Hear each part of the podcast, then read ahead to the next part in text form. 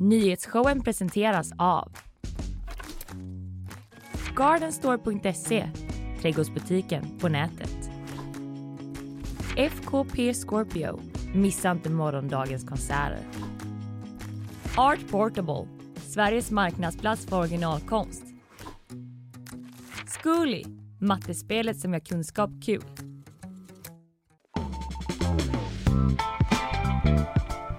God morgon Linnea Rönnqvist! Hej, det, det är Nyhetsshowen live från GP-huset tisdagen den 13 juni.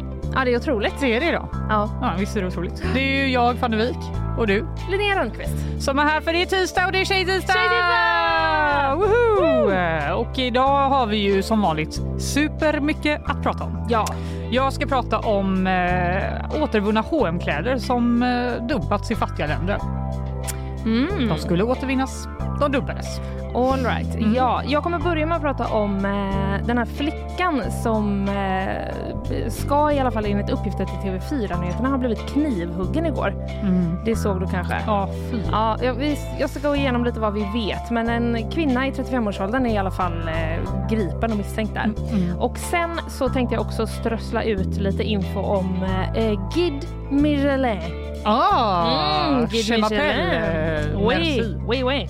Eh, igår så fick en eh, krog i eh, liksom, eh, Göteborgstrakterna faktiskt sin första stjärna.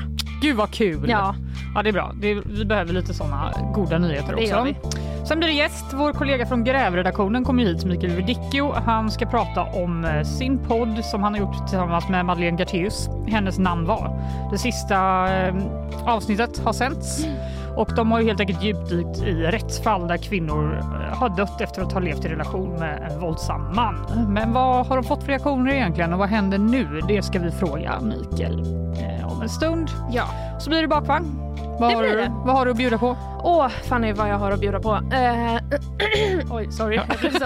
Jag blev Nu ska jag berätta för er. Jag. Nej, men jag ska berätta om en svampsjukdom som sprids eh, i Norrköping tror jag att det är. Nu har jag nog fel på Fräscht. vart kanske var, men i alla fall hos... Eh, det, det verkar vara unga män och det de har gemensamt är att de har samma frisyr. Hmm. Va? Ja.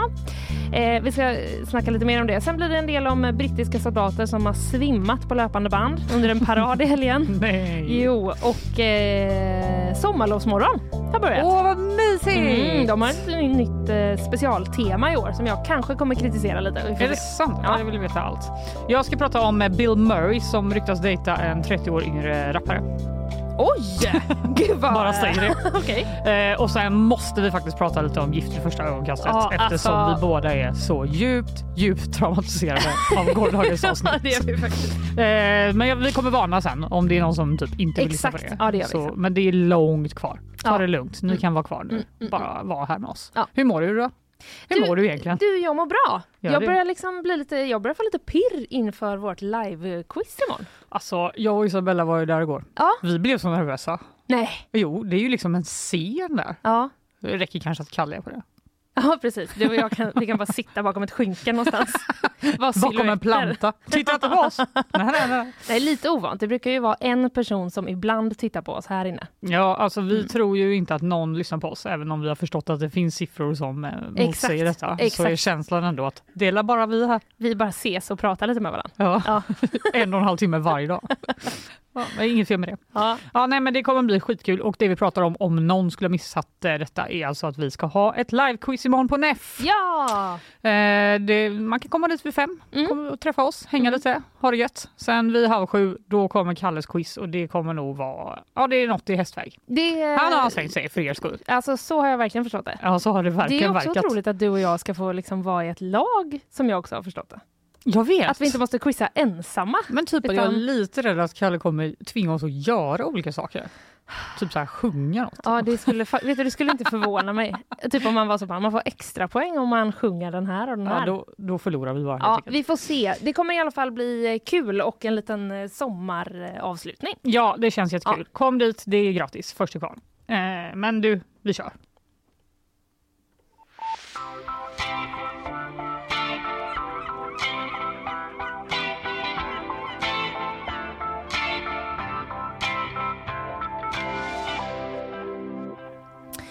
Ja, igår eh, hittades då en flicka under 15 år Mm. eh, skadad utomhus i Ängelholm. Hon fördes till sjukhus i ambulans Mm. och enligt TV4-nyheterna så ska hon ha blivit knivhuggen. Polisen eh, bekräftade senare då eh, på sin hemsida att hon var allvarligt skadad. Mhm. Men det var efter klockan fem eh, igår och det här med att hon ska ha blivit knivskuren vill jag bara förtydliga direkt att det är uppgifter då till TV4. Mm. Polisen har inte liksom velat bekräfta det. Mhm. Så att, bara så att man eh, har det Okej, med sig. Vi vet att hon är allvarligt skadad ja, enkelt. precis. Inte hur. Nej, precis. Mm. Eh, och enligt uppgifter då till Sydsvenskan så ska en eh, man ha hjälpt flickan efter händelsen och ha, Mhm. han ska ha burit upp henne till ett villaområde Mhm. för att eh, försöka tillkalla hjälp. Eh, rapporterade om. Det rubriceras den här händelsen som försök till mord Mm. och under kvällen igår så grep polisen då också en kvinna i 35-årsåldern. Mhm. Hon eh, ska ha gripits, skriver de på sin hemsida, då, eh, bara 20 minuter efter att det första samtalet kom till polisen. Aha. Så ganska Så snabbt. Det var ju väldigt snabbt jobbat Ja. får man säga. Ja. Precis. Och det finns ingenting i nuläget som då tyder på att den här flickan och kvinnan känner varandra. Nej, okej. Utan vad det verkar så är de, har de liksom ingen Det är en koppling. slumpartad eh, händelse. Ja, precis. Eh, polisen har då eh, ja, gjort en hel rad utredningsåtgärder. De har knackat dörr bland annat och så har de också spärrat av en gång och cykelbana där de misstänker att brottet har skett Mm. i närheten. Eh, men det här är inte det första våldsbrottet som sker i det här området i Mhm. Ängelholm. Utan i söndags, då gick eh, polisen ut på Facebook och efterlyste vittnen. Och där skriver de då att det är flera händelser som har anmälts i samma område mellan klockan 17 och 19 på kvällarna. Från den sista maj fram till den 7 juni.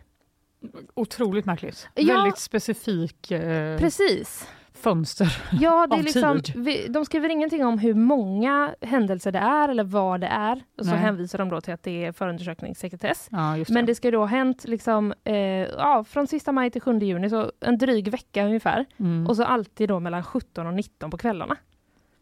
Och det som också sticker ut är att i de här fallen så är den, eh, den liksom misstänkta gärningsmannen ska ha varit en kvinna i alla de här fallen. Okej. Och så var det ju även, eller så är det ju även med eh, det som hände igår då, att Mm. det är en kvinna som är eh, gripen. Ja. Och då skrev polisen också där att de jobbade aktivt i området, bland annat med drönare. Aha. Ja. Men är den här eh, gripna kvinnan då samma person som eh, polisen efterlyste? ja, det vill man ju veta. Mm. I nuläget är det inget vi kan säga med säkerhet, men det är inte omöjligt att det rör sig om samma kvinna, säger Sara Andersson, polisens presstalsperson. Mhm. Så att man vågar väl inte slå fast det Nej. redan nu såklart. Det är ju ganska tidigt. Men hon säger också då att det är extra angeläget att vittnen hör av sig i närtid Mm. om man då har någon information om de här andra händelserna. Eh, så att man kan eh, liksom antingen eh, komma till att det kanske är samma person eller tvärtom. Så att Just man det. kan reda ut det i alla fall. Så det vill de i alla fall att man gör, att man hör av sig på 114 14 då, om det är någon som har Mm. uppgifter från Ängelholm. Mm. Man vet aldrig. Nej, man vet aldrig. Och det, här var, det var ju liksom, eh, det hände ju igår kväll detta, så att de har inte gått ut med så mycket information än, Nej, såklart, eftersom det är tidigt, tidigt. också. Men eh, det är i alla fall det, alltså. En flicka under 15 år eh, hittad allvarligt skadad, skadad utomhus i Ängelholm och en kvinna i 35-årsåldern gripen misstänkt för mordförsök.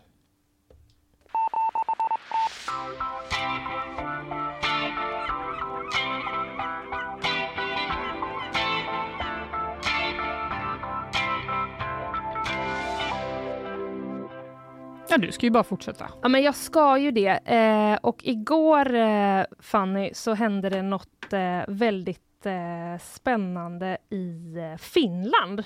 Jaha, Vad kan det vara?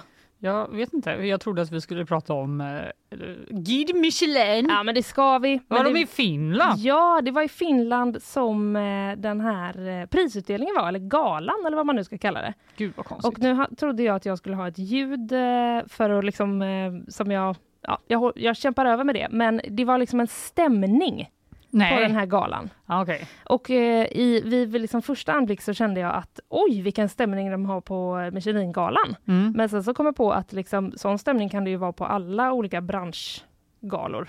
man Men- har. Ja, det kanske också bara var, är sån stämning alltid i Finland. Så kan det också vara. Så kan det verkligen vara. Nu, Men, nu vill jag eh, verkligen veta vad det är för stämning. Ja, men vi, vi tar och lyssnar lite här. And in the two star category, ladies and gentlemen, two Michelin stars are awarded to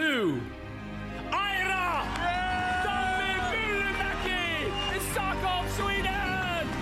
Känner du? Yeah! Det är liksom- rena Visst är det, det är liksom musiken tror jag som de har eh, lagt på som, som gör det extra sådär att man nästan blir lite gråtfärdig. Det kan vara musiken eller så är det att de har druckit så mycket vin för att det är såna foodies Ja, det som är på kan, gala.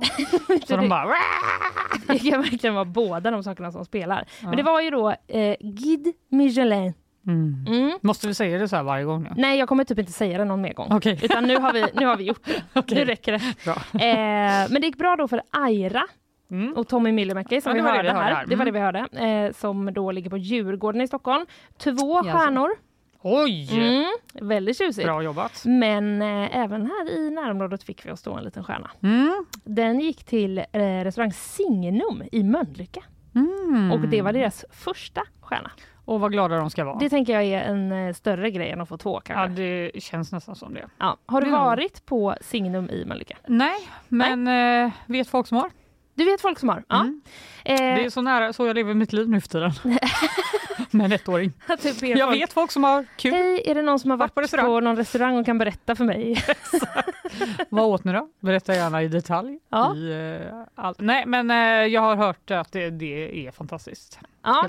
Ja men precis. Det ser ut på inredningen. Det finns eh, bilder på gp.se för den som är nyfiken. Mm. Eh, och jag tycker utifrån bilderna på liksom inne i restaurangen så ser det ut som ett ställe som har en Michelinstjärna. Ja, Okej, de, de ser ut att ha den ambitionen. Ja, det tycker jag att det gör. Eh, kocken Thomas Sjögren ligger då bakom den här restaurangen eh, som ligger precis vid Landvettersjön. Vad Så den har också liksom stora fönster och en sån utsikt över vattnet. Mm. Ja, det verkar också som att fisk och skaldjur är deras grej. Mm. Är det vad du också har hört? Eh, det vet jag inte, men det är verkligen min grej. Ja. Så jag är för det. Vad bra. Var det, är det du som Så ger eh. Michelinstjärnor eller? Ja, I wish. Ja, nej, men de skriver, eh, restaurangen skriver i alla fall så här på eh, sociala medier. Vi är otroligt glada och stolta över att restaurang Signum har tilldelats en Michelinstjärna. Det är en fantastisk hyllning till vår filosofi, vision och det hårda arbete som hela vårt team lägger på restaurangen. Ja, det kan man ju tro. Ja, Men nu känner jag vad synd att man inte var där innan de fick en stjärna. För nu kommer det Ja. vara jättesvårt att gå dit. precis. Men vet du vilka som var där innan de fick en stjärna? Nej. Våra egna uteätare här på GP. Mm, våra hemliga restaurangtestare. Alltså ni ska veta hur hemligt det är. Vi i huset har ingen aning. Nej, nej, nej. Det nej är gud, liksom nej. helt omöjligt att ta reda på. Ja, precis. Jag vet ingen Nej. i det här lilla Men vad sa gänget. de då? Du, eh, de var där i höstas och eh, de fick ju ge, vi ger ju, brukar ju alltid ge ett antal fyra när vi recenserar någonting. Ja.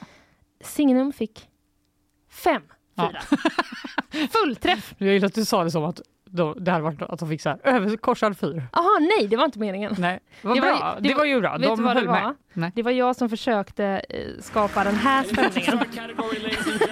Men det gick uppenbarligen, Well, well, well. uppenbarligen gick det inte så bra. Ja, jag får öva på det.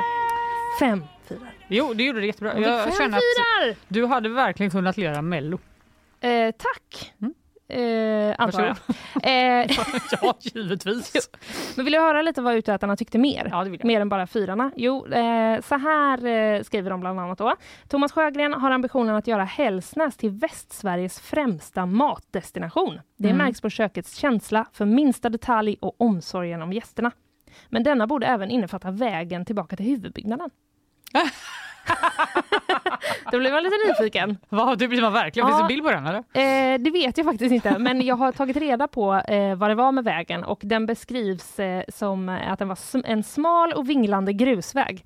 Ja, Så det låter det- ju mysigt i och för sig. Men... Ja, precis. Men kanske, inte för kanske inte för alla. Det är i alla fall eh, eh, någonting. Dock vill jag bara säga också för alla som vill eh, gå dit Mm. att notan då i det här fallet när utätarna var där, Mm. den eh, hamnade för två personer på 6 718 kronor.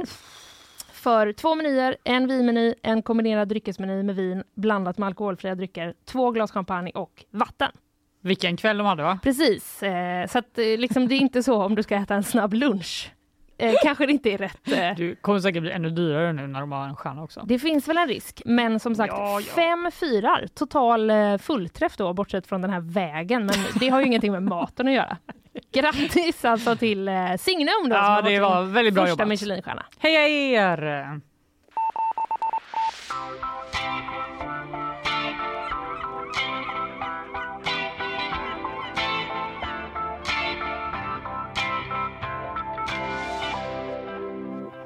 Ja, jag blir lite hungrig nu faktiskt, Mm. men eh, jag är ganska pank. så det blir inget mer med det. Men eh, vi Vet ska... du? Ja, Förlåt, men apropå det, att vara hungrig med en pank, ja. så eh, läste jag också på våran sajt igår faktiskt en lista med tips på budgetluncher inne i Göteborg. Åh! Den eh, var inte alls dum. Eh, lunch för under 100 spänn. Men du, ska vi inte ovanför. leta upp den till bakvagnen? Det kan tycker vi jag- nämna några grejer? Jo, men det gör vi. kan vi länka den sen, kan folk liksom. Vi lägger den på Insta, vi snackar om den lite. Ja, vad bra. Vad, Mm. mm. Bra. Mycket bra tips. Men du, vi ska ta och lyssna på våra sponsorer och sen ska vi få ett litet nyhetssvep. Nyhetsshowen presenteras av Gardenstore.se, trädgårdsbutiken på nätet. FKP Scorpio, missa inte morgondagens konserter. Art Portable, Sveriges marknadsplats för originalkonst. Zcooly, mattespelet som gör kunskap kul.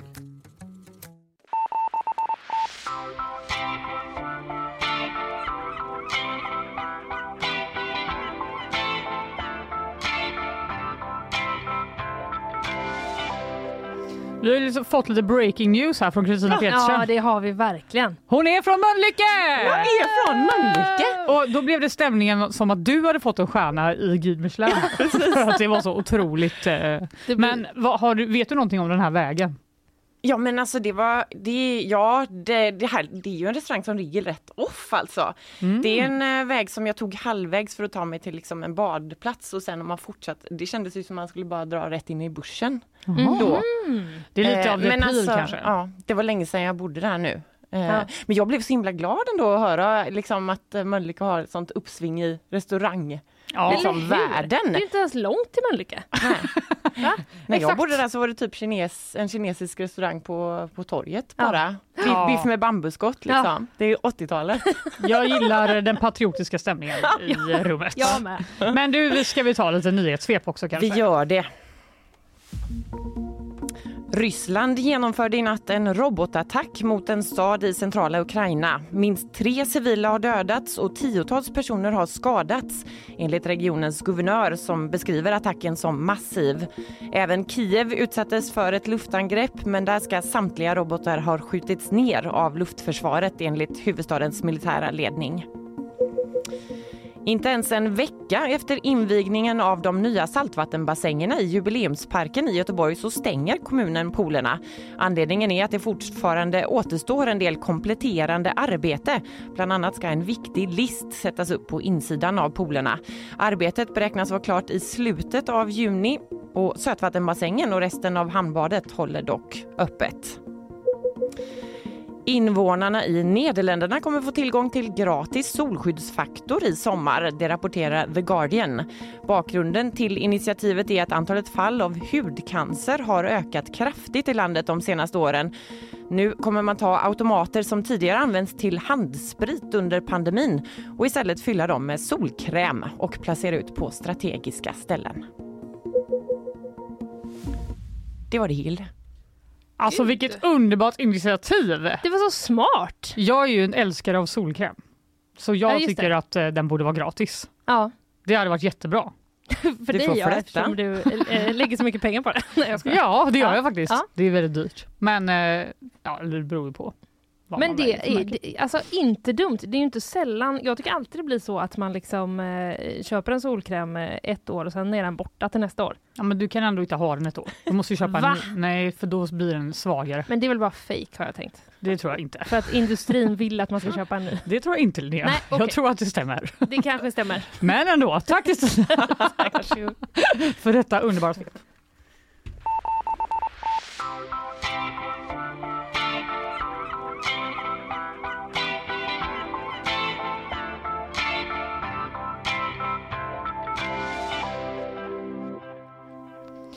Nu ska vi åka iväg, tänkte jag säga, det ska vi inte göra, men vi ska bege oss på en eh, liten resa Ja. efter, eh, som går i klädernas, klädernas tecken. Klädernas tecken. Det känns som att vi har pratat ganska mycket om kläder i det här eh, programmet. ja, det kanske vi har. Det senaste. Ja, och eh, jag vet inte riktigt. Eh, det är ju inte för att vi är några fashion icons direkt. no offense Säger till det? dig och Kalle och Ina som inte är här och kan försvara sig. Men det är helt enkelt så att det har varit ganska mycket nyheter Mm. som rör kläder, klädkonsumtion och ja, olika regler och lagar för hur vi ska hantera dem. Mm. Bland annat så pratade vi om att eh, SVTs nyheter har gjort en enkät hos nio klädjättar som visar att 40 procent av kläderna som vi svenskar köper online returneras. Det är jättemycket ja. Det är jättemycket. Mm. Och flera nätbutiker, till exempel Boost och Nelly, har blockat flera tusen kunder som helt enkelt Just har ett eh, returmissbruk. ja. Antingen att man köper liksom väldigt många storlekar eller att man bara returnerar en extremt stor andel av det man köper och Mm. att man då köper ganska mycket ja. frekvent. Det är klart. Alltså, det, nu vet jag inte hur mycket man har, behöver köpa för att bli blockad, men det är ju också lite, det är ju egentligen det som är det göttiga med att handla på internet. Att Vadå, att returnera allt? nej men jag menar så här, det är ju bekvämt när man gör det, men sen så det går ju inte att prova heller, så det blir naturligt typ att Exakt. fler grejer kanske inte passar. Så tror jag säkert att det är. Och sen Mm. har det också visat sig att många, alltså, både att många köper flera storlekar men att det finns någon, en viss grad av att man kanske har på sig något och typ filmar sig själv till sociala medier Ah. eh, och, and, och sen returnerar det Ja, för ja. att man inte vill betala för det. Ja. Etc. Mm. En ny studie från Internationella miljöinstitutet vid Lunds universitet visar också att mycket av de kläderna eh, och även elektronikprodukterna som man returnerar idag aldrig säljs på nytt.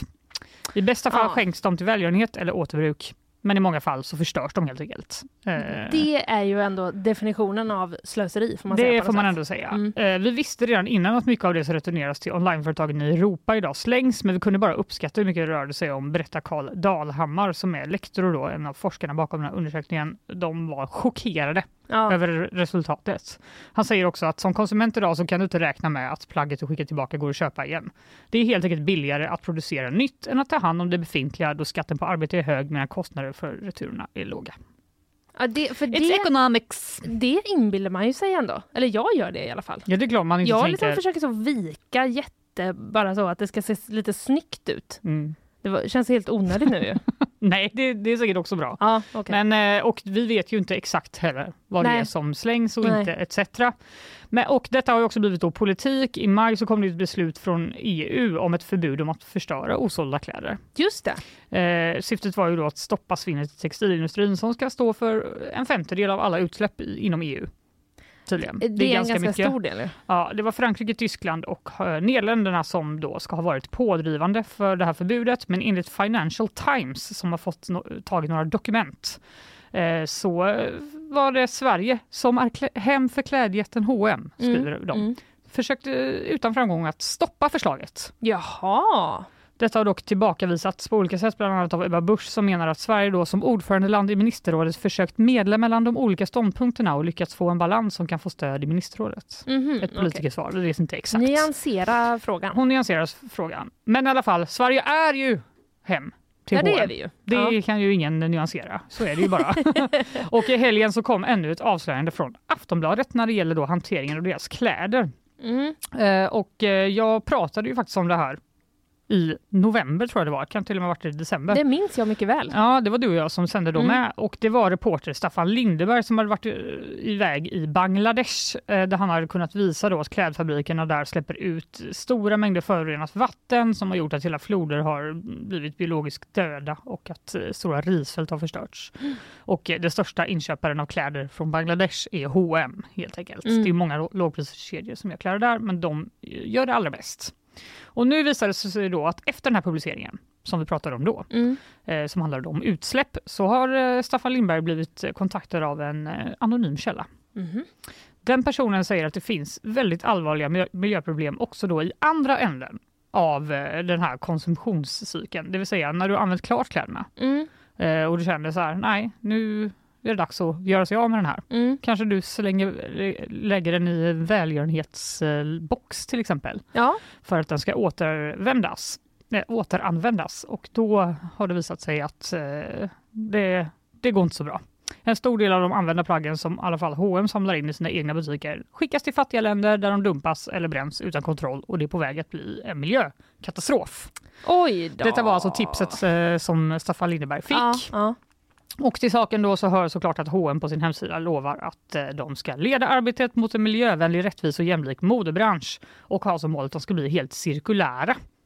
Det vill säga att eh, Gud, det känns så svårt för en eh, kedja som H&M just. det känns svårt för det är ganska många plagg i omlopp här. Ja. Men därför har man då i samtliga 4 000 H&M butiker i världen en eh, insamlingslåda där man kan lämna in sina kläder då efter man har slitit ut dem eller bara tröttnat på att bära dem. Mhm. Eh, och de här eh, insamlingen har de haft i tio år och enligt Aftonbladet så har den hyllats internationellt och bidragit till att H&M's miljöarbete då rankas högt bland internationella investerare. Mhm. De är så här, H&M är ändå rätt på det. Ja. De försöker ändå göra något bra här med sitt miljöarbete. Och det verkar också fungera i alla fall i eh, in the sense av att människor lämnar in sina kläder där. Under 2020 så samlade H&M in motsvarande 94 miljoner t-shirtar i de här, eh, jag vet, det är typ för mycket. Eh, det gjorde de i alla fall. 94 miljoner. Ja, exakt. Det Ah. är väldigt många som helt enkelt tänker att det är en bra grej att Ja. lämna sina kläder där. Mm. Och många då tror att second hand-kläder som lämnas in till de här kedjorna eller till olika hjälporganisationer skänks bort. Men så är det sällan. Istället säljs de vidare och eh, statliga undersökningar har också varnat för att mycket kläderna kommer brännas eller slängas i slutändan. Jaha. Eh, Ja, jag vet. Ja, men jag bara, Det är väl lite tråkigt. Men eh, ja, ja. eh, på H&M's hemsida så Mm. finns det liksom ingen riktig info om vad som händer med kläderna efter att man lämnar in dem där. Förutom då att de försöker att eh, eh, rädda kläder som man kan bära igen. Att Okej. de ska säljas Mm, vidare helt mm. enkelt. Men Aftonbladet beslutade sig helt enkelt för att testa vad som händer. De lämnar in 10 hm plagg till olika hm butiker Mm. i Stockholmsområdet. Det är lite olika material, lite olika typer. Det är byxor, det är en kavaj, en jacka. Och i plaggen har de airtags. Mhm. Så de kan helt enkelt följa då positionerna som plaggen har efter att de har liksom lämnats in i de här eh, lådorna och smart. skickats vidare. Det är väldigt smart. Ja, det är väldigt smart. Eh, och redan efter några dagar då så ser de att alla av de här återvinningsboxarna i de olika hm affärerna har tömts och plaggen har börjat skickas vidare helt enkelt. Först Mm. typ till en Postnord-terminal i Stockholm och sen vidare via Postnord någonstans. Och inom några veckor så har alla plagg hamnat, lämnat Sverige och hamnat på tre olika sorteringsanläggningar i Tyskland. Mhm. Eh, Då kan man se då, Aftonbladet kan se på satellit via de här airtagsen att de har sålts till kommersiella företag som då sorterar och exporterar second hand-kläder. Okej. De har det som äh, affärsidé. Mm. De flesta plaggen som de här företagen köps in, köper in, de pressar samman till stora balar som de lastar på containerfartyg. Det som är trasigt, det gallras ut och antingen återvinns det för då textilfibrer eller så bränns det upp Ja, beroende på vad det är för något. just det. Eh, sen reser de här kläderna runt då, lite varstans i Europa. På olika containerterminaler eh, landar de ofta, i Tyskland, Rumänien, kanske Polen. Eh, och eh, helt plötsligt då i april, då har det gått liksom tre, fyra månader. Ja. Då upptäcker de att en jacka som de har lämnat in har dykt upp i Afrika. Den har rest i flera veckor då på sjön och hamnat i Benin. Jaha. Japp, så vad gör eh, Aftonbladet då? De åker till Jag tror du skulle säga, vad gör jackan då? Jo, det är det de ska gör ta reda där? på. Är på semester? Ja, förlåt. Ja, Ja. den, är- det var också en tjock vinterjacka med typ så, Aha. eh, pälskrage. Okej. Nu säger jag päls inom Ja, situationen. just det. Mm. Men de åker i alla fall eh, ner dit och eh, spårar den här jackan Mm. till en enorm klädmarknad. Den ligger typ någon kilometer från där jackan sen- syntes senast. Mm. Och där verkar det vara Ja, det finns liksom miljontals plagg. De ser liksom plagg från Lindex, H&M, Björn Borg som bara hänger i rader då i små, små bås. Mhm. Och eh, en drabbande sak tyckte jag som läsare av texten är att eh, det finns ett uttryck för begagnade kläder i den här delen av Afrika. Döda vita mäns kläder. Ja. Mm. Ja. En säljare som de träffar, Edgar Koton, han säger då till Staffan Lindeberg att man säger att de tidigare ägarna har gått bort och jag antar att det stämmer. Varför skulle de annars vilja göra sig av med allt? Och så håller han upp då en tröja där eh, etiketten sitter kvar. Och säger han så här, varför skulle någon slänga den här om man inte har dött? Den är ju helt ny. ja, vad obehagligt att jag känner igen mig. Mm, vilket perspektiv Ja. man fick. Eh, ja, jag vet inte vad jag ska säga om det här mer än det. Det är lite deppigt. Ja, jag skäms lite. Den här, jag vet, den här säljaren då, han betalar lite mer än 1000 kronor i veckan då. Då får han en bal med ett par hundra plagg som är pressade ihop då i containrar Mm. från Europa till exempel. Har han tur då så innehåller den här balen något han kan sälja. Har han otur så innehåller den bara skräp. Han och andra säljare som Aftonbladet träffar där, de säger att minst hälften i varje bal måste de slänga. För Oj. att det är dålig kvalitet, hål i det eller typ helt fel. Alltså typ en jättetjock vinterjacka när de är i Afrika. Ja. Typ det här kan Mm. vi inte använda. Mm. Eh, och det är liksom fruktansvärda mängder kläder vi pratar om varje vecka som kommer till de här platserna helt enkelt. Mm. Eh, och eh, de går ut utanför marknaden och ser så här överfulla containrar, bara ligger kläder överallt. De har, eh, går ut på en strand och så visar det sig att stranden är gjord av kläder. Bara pressade kläder som någon har slängt ut. Liksom. Nej men va? Ja, och som åker ut till havet. Och du fattar, de kan inte, det är så mycket skräp att de kan inte hantera Nej. eh, alla kläderna som Nej. kommer dit. De har inte eh, liksom, möjlighet till det. Ett annat plagg som de också har lämnat in eh, ser de hamnar i Indiens centrum för kläddumpning. Det är då en plats där 20 000 kvinnor, män och barn jobbar med att skära sönder textilier med grönsaksknivar så att bitarna kan malas ner och bli till trådar som man väver enkla filtar med. Men där har man också haft samma problem att det är väldigt mycket som inte går att an- återanvända och då blir stora soptippar som svämmar över av det här klädavfallet. Eh, som ingen har då möjlighet att ta hand om. Mm. Så summa summarum, vi skickar enorma mängder plagg som vi tröttnar på till några av jordens fattigaste länder som saknar möjlighet att ta hand om avfallet. Åh, jag fick så mycket ångest nu. Varsågod! Tack. Eh, hm gruppen då? Vad ja, säger de? Ja, vad säger de Ja, då? Aftonbladet har såklart eh, sökt dem och varit så här, hallå ni säger att ni har ett jättebra miljöarbete men eh, kolla här, vi står på en strand gjord av era kläder bland annat Mm. i Afrika. Ja, just det. Eh, De vill inte ställa upp på en intervju, men de har svarat i en skriftlig kommentar där de skriver att eh, hm gruppen är kategoriskt emot att kläder blir till avfall och det går helt emot deras arbete mot att skapa en mer cir- cirkulär modeindustri. Ja. Men inte så mycket mer än så kanske Nej, eh, vi får veta. nej. De tycker det är skit, men vad ska de göra åt det då? Ja, Det vet vi inte riktigt. nej. Eh, vi får ju länka hela det här väldigt eh, långa välgjorda reportaget på vår. Instagram och där finns också ett ännu längre mejlsvar från H&M om man vill läsa ännu mer om deras eh, cirkulära modeindustri. Mycket bra.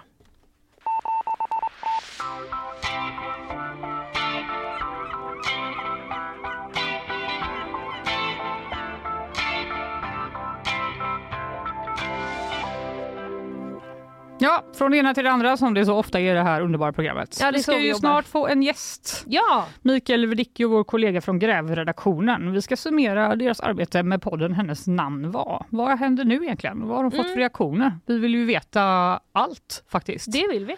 Men eh, vi får väl helt enkelt eh, ta och släppa in honom efter att vi har lyssnat på eh, några ord från våra sponsorer. Nyhetsshowen presenteras av Gardenstore.se, trädgårdsbutiken på nätet. FKP Scorpio, missa inte morgondagens konserter. Art Portable, Sveriges marknadsplats för originalkonst. Zcooly, mattespelet som gör kunskap kul. Under våren har ju vi på GP varje vecka släppt avsnitt av podden Hennes namn var där reportrarna Madeleine Gartéus och Mikael Vidicchio djupdykt i sex uppmärksammade rättsfall. Det handlar om kvinnor som har dött efter att ha levt i en relation med en våldsam man och i podden har de försökt att svara på frågan hur samhället hade kunnat förhindra brotten. Nu har det sista avsnittet släppts och med oss i studion har, för att prata mer om detta har vi ju dig Mikael Vidicchio. Välkommen hit. Ja men tack.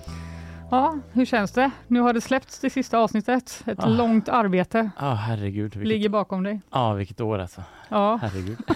Är du liksom lättare eller hur känns? eh, jo men det är klart att jag är, det, det är väldigt skönt och att liksom, ja, ha fått släppa det här och vi har liksom jobbat på det här ett år liksom. Eh, Mm. Men att bara ja, se vilka fantastiska reaktioner det har blivit. Det har varit. Ja, vi ska prata mer om det alldeles strax. Men jag Ja. tänker att vi först ska prata om den sista delen som då släpptes igår. Den handlar ju om Annie som hittades död i ett badkar i sitt hem 2018. Och det här var ett fall som var väldigt uppmärksammat då för fem år sedan. Inte minst för att mannen som då misstänktes för mordet och eh, dömdes för det var en slags influencer. Vad var det som hände egentligen för de som inte känner till det här? Jo, nej men det var ju ett ganska uppmärksammat fall som sagt. Det, kanske främst också för vem som blev misstänkt liksom. Men det var ju då eh, eh, 29-årig kvinna, Annie, eh, som hittades Åh oh gud, eh, vilken ordning ska man ta det? Men det som hände var att man hittade helt enkelt henne hon, hon avliden i sitt hem. Liksom. Eh, och till en början så bedömde polisen det som ett självmord. Liksom. Man trodde att det var ett, eh, ett självmord. Eh, för det såg ut så. Hon låg i ett badkar. Eh, någon hade placerat ut jordgubbar och ljus liksom, eh, kring där hon låg. Liksom, och ensam i lägenheten fanns hennes treåriga dotter.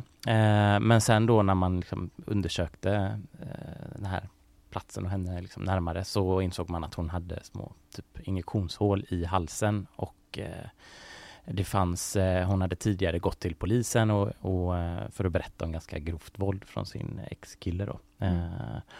Och det visade sig så småningom att han hade varit där under natten och initierat henne med en dos tramadol i halsen och sådär. Så det blev väldigt uppmärksammat just för att han var en väldigt, eh, bland svenska ungdomar, känd eh, profil liksom, som var ganska känd för att lägga upp så här väldigt skruvat och grovt material på så Snapchat och sånt. Han eh, gjorde olika saker mot eh, kvinnor framförallt. Liksom. Mm. Eh, ja, och så dömdes han ju då för, för mord till en början. Eh, men sen friades han i hovrätten av en, eh, vad ska man säga, om jag ska gå in på det, men jag kan dra det ganska kort. Alltså, mm. Eh, det man kom fram till då i hovrätten var att det var bevisat att han hade varit i hennes lägenhet under natten. Han, ljög, han, han påstod att han inte hade varit där överhuvudtaget men det gick att bevisa att han ljög om detta och han hade varit där helt enkelt.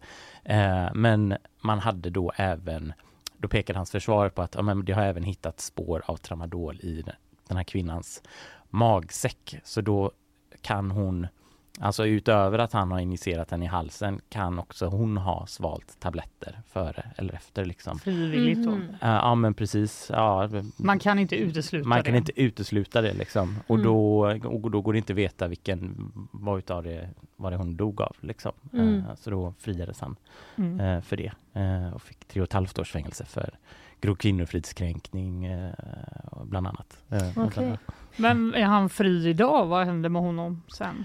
Eh, alltså vi fick ju kontakt, alltså vi eh, började ju söka honom för, för ett år sedan var det nu, snart gud vad tiden mm. går fort. Eh, men förra sommaren och då skrev ju spanska med att han satt gripen misstänkt för ett mordförsök i Spanien. Eh, för mm. att efter att han släpptes fri, eller när han hade avtjänat sitt straff här i Sverige, då flyttade han till Marbella vad jag vet. Eh, och startade väl om där typ. Eh, sen blev han gripen då för misstänkt för ett mordförsök och senast vi hade kontakt med, vi skrev ett brev till honom i fängelset, jag lyckades få fram vilket fängelse han satt i då. Eh, fick vi kontakt med hans tjej, hans nya flickvän då där och eh, jag, har inte, jag, jag, har inte fått bekräftat att han är utsläppt men eh, det kan vara så att han är ute eh, där. Men då var han i alla fall, för några månader sedan var han misstänkt för mordförsök i Spanien och satt där. Eh. Mm. Mm. Men eh, just det här poddavsnittet är ju också lite speciellt jämfört med de eh, första, tänker jag, för här så intervjuar ju du Madeleine Gartéus som också har varit med och gjort serien, fast, men hon är med i egenskap av anhörig nu då till Annie. Hur, hur var det? Eh, jo men det var, alltså gud, det var jättespeciellt. Alltså det har varit jättesvårt. Alltså jag har ju alltid vetat sådär. Vi, vi har ju varit kollegor. Vi började ungefär samtidigt på GP så här, hösten 2015 liksom. Mm. Eh, så vi har ju liksom sett så här i korridorerna och sånt och eh, jobbat ihop en del liksom och så. Och så, så jag, jag minns ju liksom att när det här hände liksom så förstod jag ju då att fan det här, hon är bästa vän med Annie liksom. Mm. Uh, de har varit, varit, varit, var vänner sedan barndomen? Typ. Ja, men mm. precis. Sen liksom tidigt tonår typ. Mm. Uh, nej men jag har väl alltid, alltså det har varit jättespeciellt. Jag har alltid vetat att hon har brunnit jättemycket för, för den här frågan då, kanske framförallt efter det här då liksom. Mm. Hon har skrivit böcker och varit jätteduktig på det här ämnet liksom. Men att gå in i liksom hennes personliga liksom, trauman och liksom höra henne berätta. Det är klart att det har varit jättesvårt att intervjua en kollega men också väldigt, eh, vad ska man säga, jag förstår henne på ett helt annat sätt. Liksom. Jag förstår verkligen vilken jävla eld hon har inom sig liksom, och brinner för den här frågan. Jag förstår verkligen att man, eh, man gör det, framförallt när man har varit, gått igenom en sån här sak som anhörig. Liksom. Mm. Mm. Ja, det blir väldigt eh, fint tycker jag och eh, starkt i avsnittet tycker jag att alla ska lyssna på och bara slänga in med en gång. Men det är ju sex avsnitt totalt som ni har gjort. Eh, vad har ni fått för reaktioner nu? Alltså vi har bara fått, alltså vi har bara, alltså det har varit så mycket fina reaktioner från Ja. liksom, ja men det är liksom mail och samtal men jättemycket på sociala medier, på Instagram och är folk som skriver och Ja men alltså det här det har bara varit liksom, det har varit lite överväldigande liksom hur fint och hur positiva reaktioner det har varit liksom. Eh, Men för syftet var ju då, hennes namn var, det var ju Mm. att lyfta fram kvinnorna och Mm. inte männen som står bakom. Mm. Eh, Upplever du att det har funnits liksom ett behov av det även för lyssnare och läsare? Ja, nej, men det är ju det alla säger, liksom, att det här är något helt liksom, nytt. Alltså det här, man, man bru- brukar inte prata om de här frågorna liksom, på det här sättet, utan det är ofta de här, eh, nu handlar det här om kvinnor som har blivit eh, dödade eller dött liksom. Eh, men det är liksom alltid den här eh, eh, Alltså det är alltid sånt fokus på männen och vad har hänt och liksom vad har hänt med hennes kropp? Hur många gånger blev hon knivhuggen liksom? Och så Mm. försvinner liksom person, personen det handlar om. Eh, Mm. så det har varit jättefin, jättemånga som har hört av sig och sagt att det är Alltså att bara få, att det är som att vi ger en röst till kvinnorna liksom. Eh, Mm.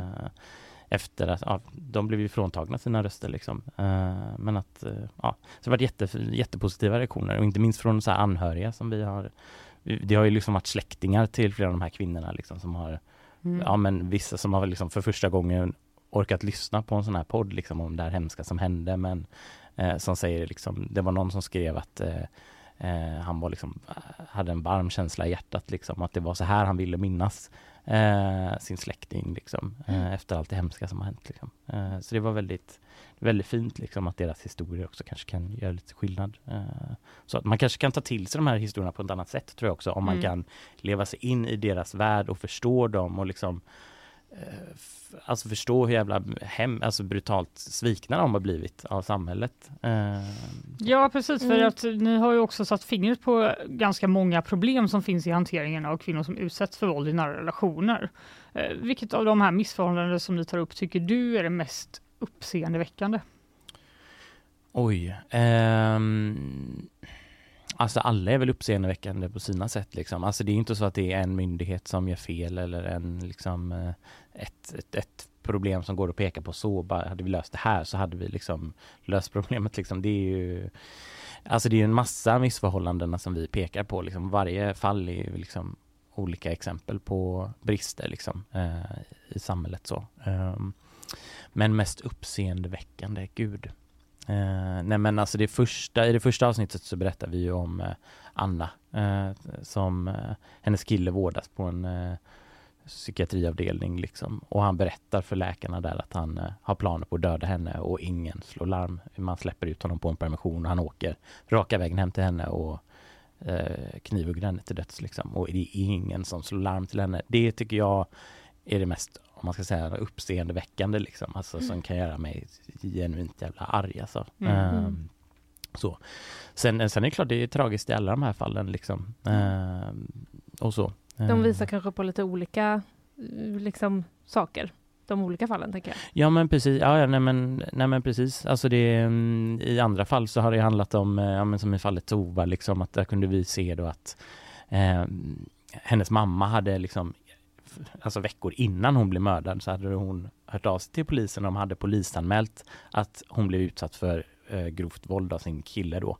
Eh, och hade blivit det under flera år men vi kunde se då att man rubricerade den fel, den anmälan, så den blev i förlängningen blev den liksom liggande Mm. Eh, för att den här polisutredaren han blev skickad till Stockholm för han skulle jobba med det här terrordådet som var på Drottninggatan Mhm. och då liksom hamnade hennes, eh, ja, hennes an, den här anmälan den låg på hög liksom tills han kom tillbaka men när han väl kom tillbaka då var hon liksom men då var hon redan död liksom. Mm. Och det är klart att jag, det inte, går inte, alltså det är inte den polisens fel såklart. Nej. Alltså, det är ju systemet. Ja, det är klart Precis. det. Mm. Men den här frågan har ju också nöt, liksom kommit upp i den högsta politiska sfären nu. För Gunilla Tolander som är mamma till Jenny som ni berättade om i avsnitt tre. Hon har lämnat över en namninsamling då Mm. och eh, fått träffa både vår justitieminister Gunnar- Gunnar Strömmer och jämställdhetsminister Paulina Brandberg Mm. tidigare år. Och då var ju du med under de här mötena. Vad handlade den namninsamlingen om? Nej men alltså det handlade ju om, alltså i hennes fall så var det att hennes dotter Jenny då, eh, hon eh, blev med barn och försökte fly då den pappan liksom, eh, som hon utsattes för våld eh, ifrån. Eh, och hon Eh, när hon sökte hjälp så blev hon placerad, hon hamnade på ett skyddat boende och där blev hon liksom isolerad i ett helt år. Eh, och sen slutade det med att hon, socialen hade liksom inte, kunde inte hjälpa henne med bostad. Det är också ett stort problem. Det är ett jätteproblem liksom att man inte hjälper våldsutsatta kvinnor med liksom långvarig bostad utan man placerar dem på så här skyddat boende ett tag. Liksom. Och så vi har, finns ingen plan efter det. Eh, och i hennes fall då så handlade det om att Jenny fick då återvända till liksom stan hon hade flytt ifrån liksom, och placeras ganska nära honom. Och det slutade med att hon blev skjuten med ett skott i pannan eh, av den här mannen då. Eh, och han eh, var ju då åtalad för mord från början men friades för det och dömdes för eh, vållandet till annans död. Eh, han hävdade att det var en olycka helt enkelt. Så hon satt ju liksom i rättssalen och eh, jag fick höra liksom allt han hade utsatt henne för liksom och, och, allt som hade hänt. Det finns en massa omständigheter runt omkring. Då. Eh, nej men så hon, för henne var ju det liksom eh, bara så här ett slag i ansiktet liksom. Alltså allt dottern har gått igenom och sådär. Eh, så hon upplever ju att det har varit för med sitt straff liksom. Att han har, ja, eh, han kommer väl ut nu liksom snart. Eh, hennes dotter är död. Så hon startade en namninsamling som heter Upprättelse för Jenny Tolander där hon kräver eh, dels reagerar hon mot själva domen då, eh, men också så ville hon att vi ska sätta ner foten hårdare liksom mot eh, mäns våld mot kvinnor, hjälpa våldsutsatta kvinnor och eh, ja, det måste bli ett slut liksom. Hon vänder sig emot att Alltså statistiken visar att mellan 15, 15 till 20 kvinnor blir mördade eh, eller dödade varje år. Mm. Så att hon vill helt enkelt se hårdare tag och liksom ett rejält eh, Alltså att man sätter ner foten. Liksom. Vad, eh, vad, vad, sa politikerna på det här mötet då? Om vi tar jämställdhetsministern först, Paulina Brandberg. Jo, men eh, och nu ska jag försöka bara så här, eh, tänka Åter. tillbaka. Ja men exakt, det var en väldigt speciell känsla. Hon har ju, hade ju kämpat för det här, med det här i flera år liksom och försöka mm. få lämna över de här namnen och så nu efter flera år så äntligen fick vi komma upp så vi gick med mm. de här säkerhetsspärrarna och liksom så, det var en liten process så. Nej men alltså jag, vi träffade ju Paulina en liten stund, hon hade lite bråttom vidare och så men hon jag tyckte hon var lite vag faktiskt när vi var där. Det var väl ganska så här stora ord liksom så att vi ska mm. fortsätta kämpa och, och vi ska hjälpa varje våld, våldsutsatt kvinna och sådär. Men sen har hon ju faktiskt återkommit efter att vi började sända serien så då hon skrev en debattartikel i GP där hon var lite mer konkret med vad hon ville göra då. Uh, så då hon pratade om då hårdare straff för eh, vålds och sexualbrott då, bland mm. annat. Eh, hon pratade om att eh, eh, våldsbrottslingar ska kunna bli dömda till vistelseförbud i upp till tio år eh, och sådär. Eh, och pratar också om att fler kontaktförbud ska beviljas och så. De mm. kommer med lite konkreta grejer men sen en del av de där grejerna hänger ju också ihop med jag tror debatten om gängvåld också. Ja. Mm. Ganska mycket. Så att det, vi, känner igen, vi känner igen de ord av lagen. Men även mm. eh, vår justitieminister då, Gunnar mm. Strömmer, vad får vi så, se skärpta straff om han får bestämma också? Ja, nej, men det var det första han sa. Mm. Eh, hårdare straff och inga straffrabatter. Liksom. Mm. Eh, han pratar också om att det måste, fler kontaktförbud ska beviljas och det här ska kunna man ska även liksom i större utsträckning liksom eh, heter det, kombinera kontaktförbud med så här fotboja typ. Alltså det finns en möjlighet ja, och Mm. Att uh, använda typ så här en fotboja för att kontrollera att en man inte närmar sig en kvinna till exempel. Mm. Och så. Men det är liksom det är jätteovanligt faktiskt. Det är nästan ingen, det är liksom så här någon handfull liksom, mm. personer som... Uh, ja, vet man varför? varför? Eh, nej, jag vet faktiskt inte varför. Jag, en grej som jag fått höra faktiskt som jag tänkte grotta ner mig lite mer i men eh, det jag fick höra var en åklagare som berättade för mig att eh, man behöver då samtycke från mannen, alltså mannen måste typ godkänna det. Typ, så här. Eh, Oj! Ja. Okej. Okay. Vad speciellt. Låter som något som kanske borde utredas eh, vidare då. Mm. Kanske. Ja. Kan ja. man ju tycka. Ja, det kanske blir. Men de här eh, ministrarna som vi har pratat om nu, det är ju eh, två personer i liksom väldigt tydlig ansvarsposition. Men eh, för det som ni har liksom beskrivit om, om alla de här kvinnorna är ju också att liksom det är ett samhälle som har svikit dem. Mm. Har det varit svårt att, att hitta liksom någon att ja, men ställa till svars eller någonting att, att rikta kritiken eh, mot? Alltså det har faktiskt inte varit så himla svårt egentligen för att vi har ju ändå pratat om det här i flera decennier liksom och Eh, ja, men väldigt mycket tack vare Aftonbladet till exempel som har räknat alla dödade kvinnor liksom och satt verkligen fokus på den här frågan liksom. Så att det här har ju diskuterats och det här har ju politiker, det har varit uppe på agendan jättelänge.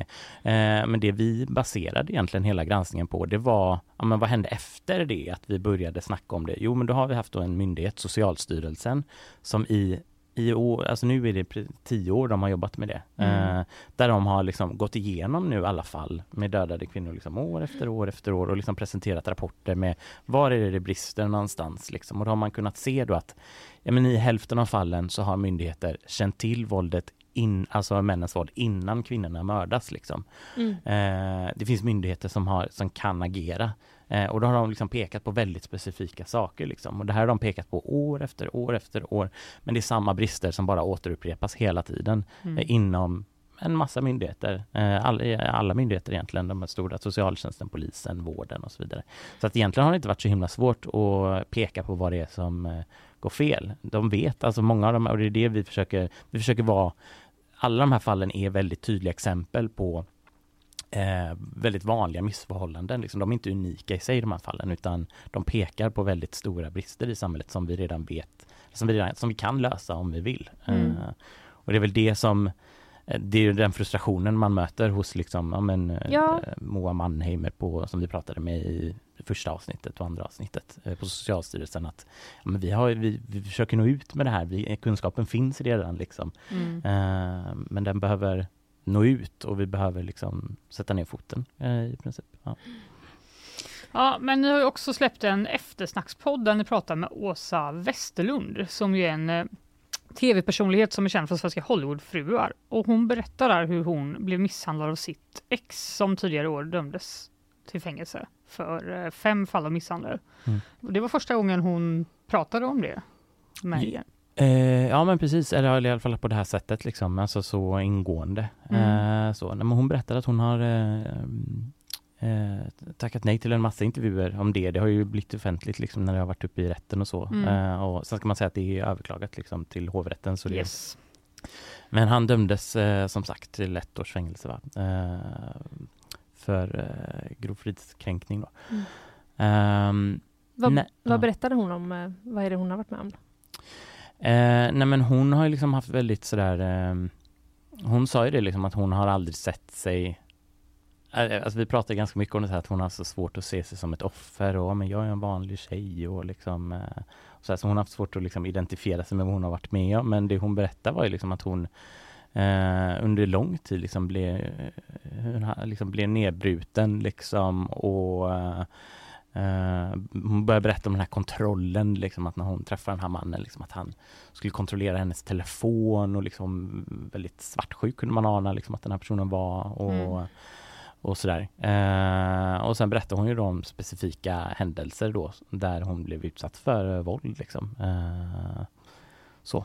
Mm. Och hon hade helt enkelt hittat podden mm. och lyssnat på den och känt att hon ville dela med sig av sin egen berättelse nu. Ja men precis, hon hade blivit, ja, precis, hon hade blivit väldigt berörd, sa hon. Och, eh, så nej men det och, ja, jag har haft kontakt med henne efteråt, efter att vi spelade in det här också. Det har ju varit jätte, hon har ju fått jättefina reaktioner liksom mm. från många andra kvinnor där ute liksom som eh, som har liksom tackat henne för att hon har vågat prata om det liksom och göra det lättare att prata om den här frågan. För hon var ju också sådär väldigt sådär har ju varit väldigt privat. Liksom. Det, här var en, det här är en grej man håller för sig själv och det här kanske inte är något man vill liksom skylta med att man blir utsatt för och sådär. Men samtidigt är det här så otroligt vanligt. Alltså, herregud, vi...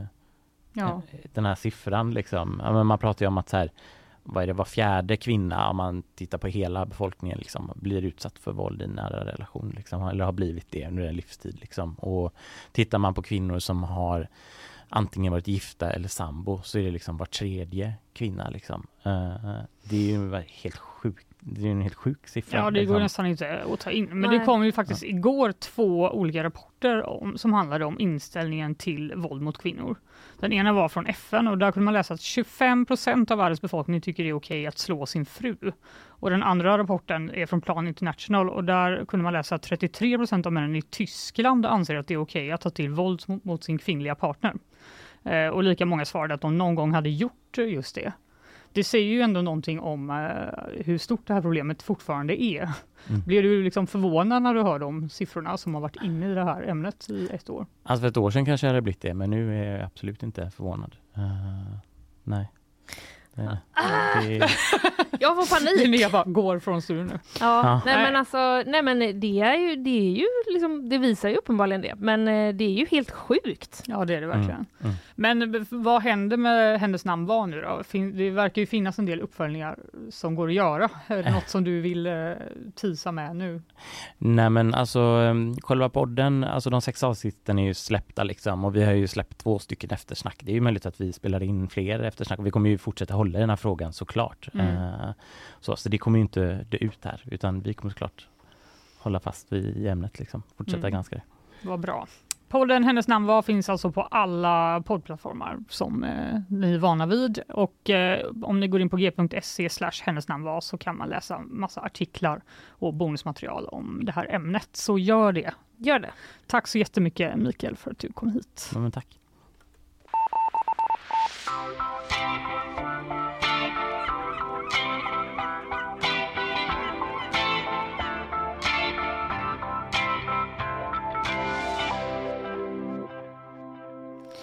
Vi ska alldeles strax gå vidare till bakvagnen men eh, först ska vi få några ord från våra sponsorer. Nyhetsshowen presenteras av Gardenstore.se, trädgårdsbutiken på nätet. FKP Scorpio, missa inte morgondagens konserter. Art Portable, Sveriges marknadsplats för originalkonst. Zcooly, mattespelet som gör kunskap kul.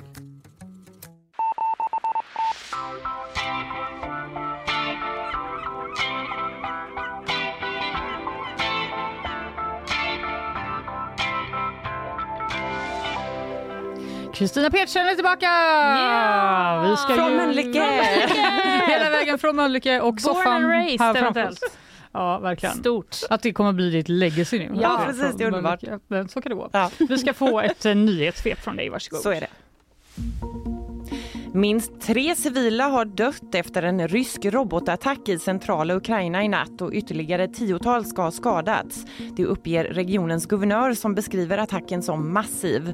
Även Kiev utsattes för ett luftangrepp men där ska samtliga robotar ha skjutits ner enligt huvudstadens militära ledning. En man attackerades och misshandlades grovt av flera personer vid Järntorget i natt. Mannen ska ha fått ta emot både slag och sparkar och enligt vittnen hängdes han också upp över ett staket. Tre män har gripits misstänkta för inblandning i misshandeln. Männen hävdar att det var de som blev attackerade först. Invånarna i Nederländerna kommer få tillgång till gratis solskyddsfaktor i sommar, det rapporterar The Guardian. Bakgrunden till initiativet är att antalet fall av hudcancer har ökat kraftigt i landet de senaste åren. Nu kommer man ta automater som tidigare använts till handsprit under pandemin och istället fylla dem med solkräm och placera ut på strategiska ställen.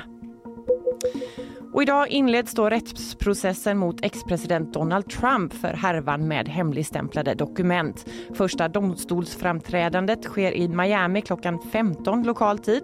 Trump väntas delta i förhandlingen och sen återvända till New Jersey för att hålla en pressträff där han kommenterar åtalet. Mm. Wow, nu börjar det alltså. Nu börjar det mycket liksom eh, kändisar och rättegångar känns det som. Det, Som vi har rapporterat om. Ja. Ja, men såg ni bilderna på alla papper som Trump hade tagit med sig? Nej, Det finns eh, ute på internet där han har liksom bara ställt dem i typ så, en dusch. och typ, det är någon så här låda som har vält lite. aha. Och så fruktansvärt mycket, alltså stora mängder dokument också. Aha, okej. Som han har tagit med sig hem. Ja, inte så välplacerade då? Nej, det tycker jag inte. Nej. Eh, För någon som gillar ordning och reda. Nej. Tack Kristina. Ja, tack.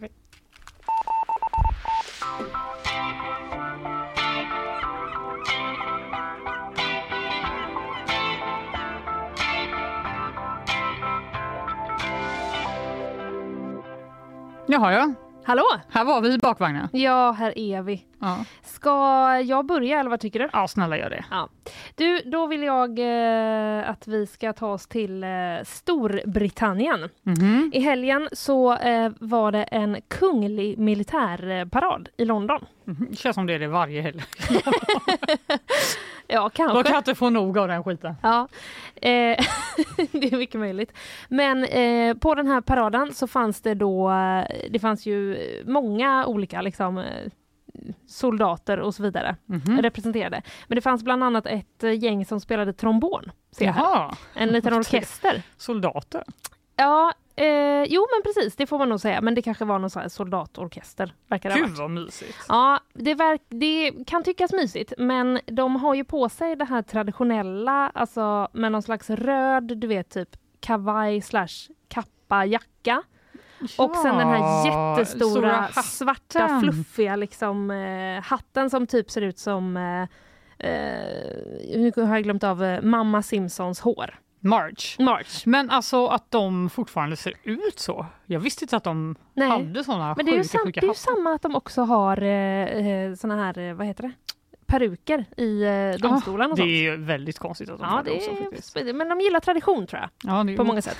I alla fall, den här orkestern då Ja. eh, spelade och under eh, den här militärparaden var det åtminstone då tre personer som svimmade Vad var då? för att det var, varmt. 30 grader varmt. Mm, nej, och så har de en sån enorm pälsmössa på Och så har de en enorm pälsmössa och så ska de då dessutom liksom spela musik i den här... eh, Blåsa ut rullen. allt syre de har i kroppen. Exakt. Ja, det ser svinvarmt ut. Och på eh, Instagram så ser jag just nu en, eh, en ihopklippt film av liksom sekvenser från detta. Och vad som liksom förenar de här soldaterna åt. Man ser då hur de liksom står och spelar och sen är plötsligt bara faller de ihop på marken. Och det som händer då är att vi kan, vi kan lägga ut den här på vår Instagram sen Ja, så att eh, alla kan eh, se. Men det som förenar dem är liksom att eh, typ dels att de andra soldaterna som står runt omkring, de liksom fortsätter och gör sin grej. De bara Det här är, man down! Och bara, det här är alltså en trombon som jag försöker gestikulera nu. Eh, givetvis. men så är det, de fortsätter och eh, då kommer det liksom framspringandes någon annan slags eh, militärer med en bår. Och då eh, är det också gemensamt för flera av dem som har svimmat att de liksom bara är så här eh, Oj, nu måste jag resa mig upp och fortsätta spela. Men alltså det Du vet att det ju... sitter så hårt i dem att de liksom bara nu de är ju fortsätter vi. soldater. Exakt, de är krigare liksom. Men alltså vad hemskt det här är. Det ser faktiskt...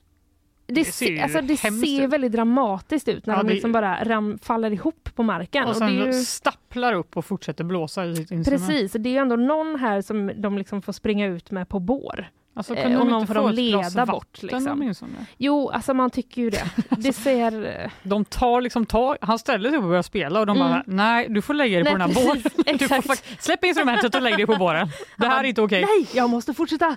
Ja. Men, eh, nej, men de, eh, ja, de eh, pliktkänsla verkar de ha eftersom de liksom så fort de kvicknar till när det kommer någon och ska hjälpa dem så bara liksom återgår de till som de var. Det var ju någon också som stod med typ en sabel eh, som man ser bara så här, ställer sig direkt upp och liksom håller sabeln på rätt Nej, sätt. Du vet, och är så här. Ja. Är det här verkligen sunt? Det kan man ju verkligen undra. Prins William eh, han skriver så här på Twitter. Ett stort tack till varje soldat som deltog i Colonels Review under hettan denna morgon. Det var svåra förhållanden men ni gjorde alla ett bra jobb. Skriver han. Alltså, det är som att det är ett krig de har varit ute i. Så. Men, eh, Men ja. det var bara att de skulle spela lite trudelutt för prinsen. I alla fall de här, men de har liksom, verkar liksom ha stått ute på någon så sandplan. Det finns ingen skugga i sikte, utan det är liksom Nej. bara 30 grader eh, varmt. Ja, jag känner verkligen för dem. Jag, Ja, hoppas de blev ordentligt omhändertagna efter det här. Du, det hoppas jag verkligen också.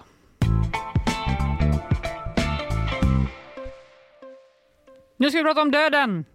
Eller inte, Yay! det beror lite på. Jaha, okej. Vilken bra Då väljer teaser. jag hellre inte om man får välja. Ja, du behöver inte välja, det är samma artikel. Aha. Eh, Så här står det. Släktingarna blev både rädda och förvånade när de plötsligt hörde knackningar från kistan efter en fem timmars vaka. Det uppdagades då att en 76-årig kvinna som dödförklarades i Ecuador fortfarande andades. Hon bara Hallå! Nej men fan, nej! Släpp ut mig! Hallå! Tack för eh, mardrömmar de Också närmsta veckorna. sjukt Men det är lång ju begravning, helt- fem timmar. Fem Ja timmar men det som var en vaka va? Ja, det var en vaka, men Ja. de hon Men- var ju en kista Ja, men det är man väl va? Under en vaka. Så det är väl i mer, underlock. men det är väl mer någonting man gör utomlands. Kanske Ja, inte jo. så mycket i Sverige. Men vad fruktansvärt. Mm. Har den här kvinnan berättat någonting efteråt undrar jag? Jag Liksom, ska se, hur det står så här var? faktiskt. Eh, hon eh, lades in på sjukhus då eftersom att de hade befarat att hon fick en stroke och hjärtstillestånd. Ja. När hon inte svarade på återupplivningsförsöken så dödförklarades hon av en läkare. Mm, Detta säger Ecuadors hälsodepartement. mm.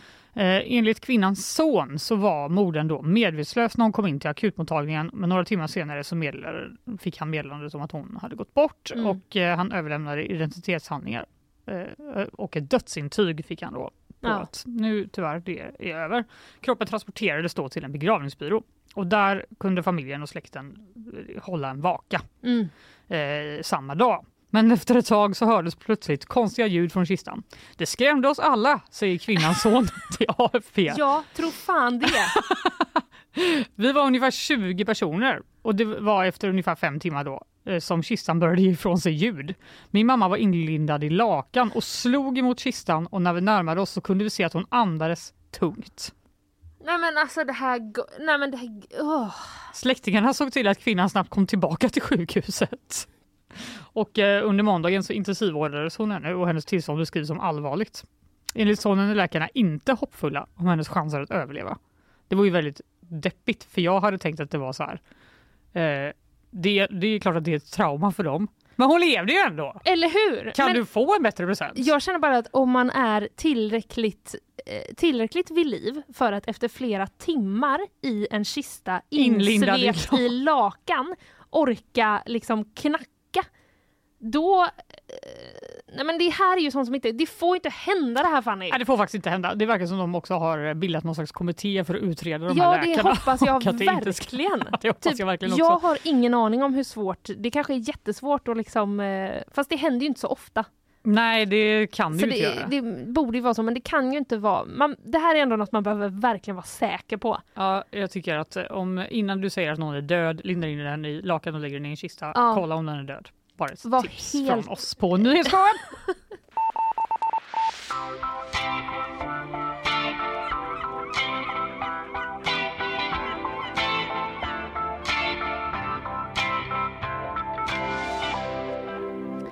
Sommarlov!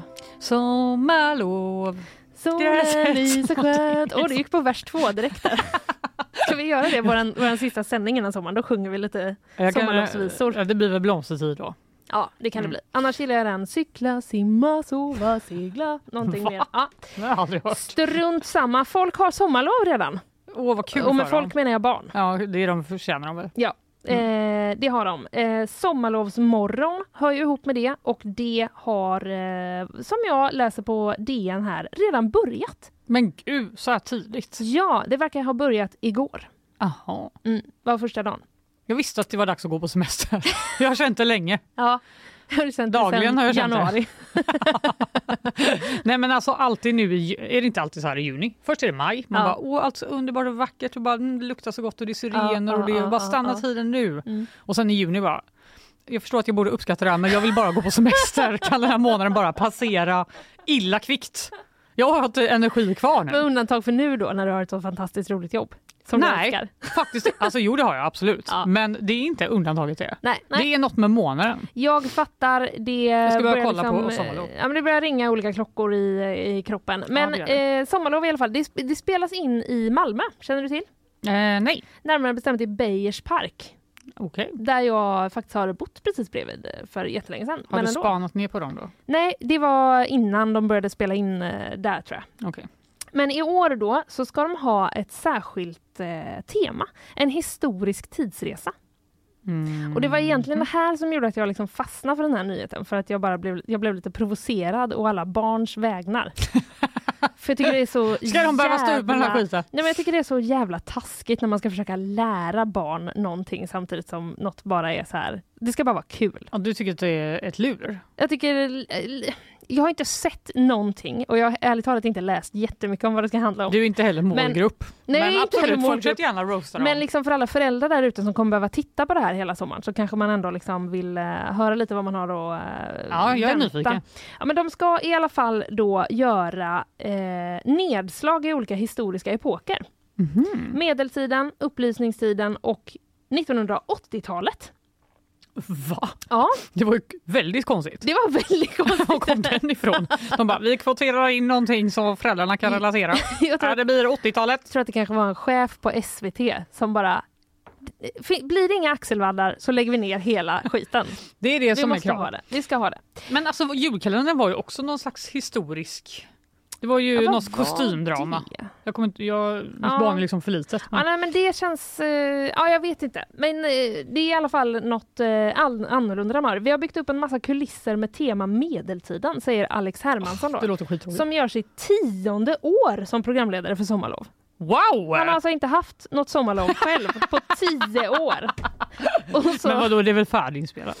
Nej, det tror jag inte. Var det någon slags direktsänd ja, reality? det tror, jag tror- att det är det. Är, Det kanske är, är det, det så, inte så ibland barnen kan hälsa på? Ja, och det, det är ju barn som är där och tittar. Ibland tror jag det är typ folk som ringer in. Jag tror att det här är Okej, jag tar tillbaka allt. live. Alltså. Han ska ha en guldstjärna. Ja. Eh, Malin Olsson då, det är hennes elfte år. Hon ska ha en diamantstjärna. Exakt. Ja, men hon säger i alla fall att det här året har vi gjort om väldigt mycket för nu behövde vi rucka lite på sommarlov och göra något nytt av det så att det känns spännande att titta ja, igen. det är för deras skull de håller på. Kanske, För att de inte ska sluta. kanske. Men det verkar också som att SVT har någon slags specialfokus på historia i år. Läser jag i den här eh, texten. Mm. Eh, och de kickar igång en stor historierörelse. Tydligen så kommer det också en eh, påkostad storsatsning om Sveriges historia i höst. En dokumentärserie i tio delar. De försöker flörta med SD. Lägg inte ner oss! Här får ni jättemycket svensk historia. Kan det vara, det kanske kan ha något att göra med att vi fyllde 500 år för några dagar sedan som land. Ja, du tänker lite mindre konspiratoriskt. Ja, lite mindre kanske. Mm, det kan det absolut Jag vara det. vet inte, men i alla fall, vad var det alltså? Medeltiden, upplysningstiden och 1980-talet? Så otroligt random. Nästa år tycker jag att de ska göra sommarlov om framtiden. Ja, jag med. Absolut. Det hade varit jättekul. Mitt bästa, vilket var ditt bästa sommarlov eh, någonsin, minns du? Nej, alltså, nu när vi pratar om det här så känner jag att jag aldrig har kollat på sommarlov. Nej, då säger jag bara tillbaka till Vintergatan. Aha, jag tror det var en julkalender. Nej, vanligt misstag. Ja, sån är jag.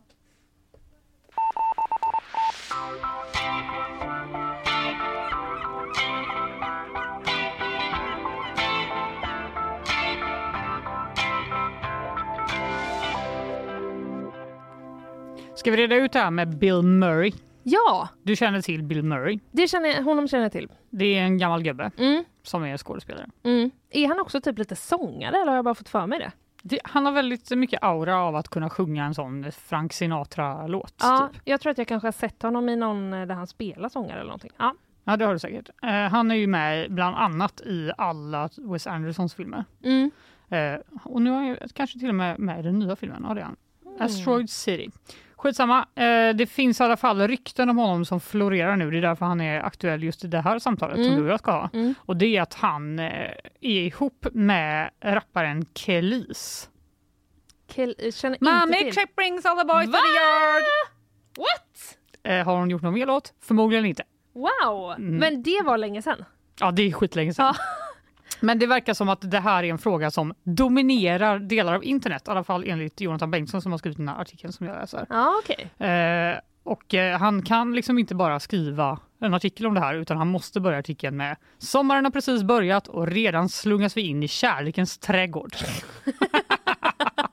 Fint ändå. Ja, Det är stämningsfullt. jättefint. Eh, Kelis då, hon är 43 år gammal.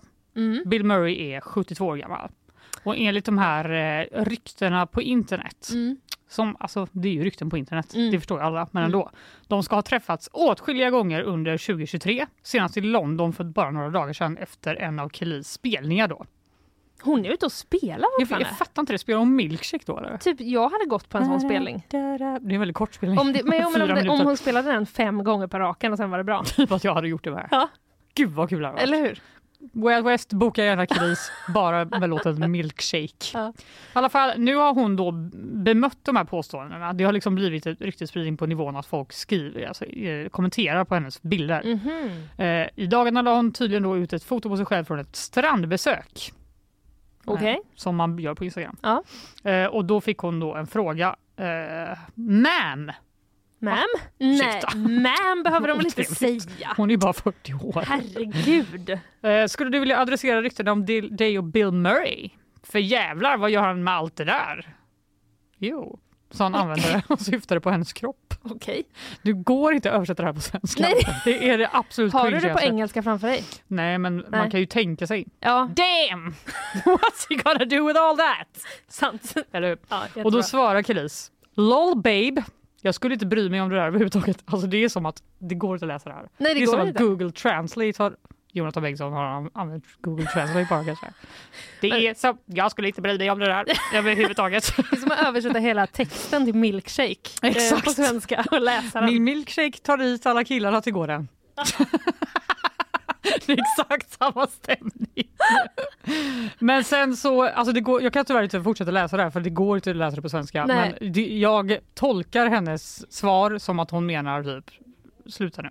Ja, just det. Varken bekräfta eller dementera. Ja, exakt, och Men det har inte heller Bill Murray gjort. Nej, Så eh, låt oss bara, inte, om de är ihop, lycka till. Låt oss eh, göra allt för att få reda på det här under hela sommaren. ja, vi återkommer i september Ja. med en eh, fullskalig rapport.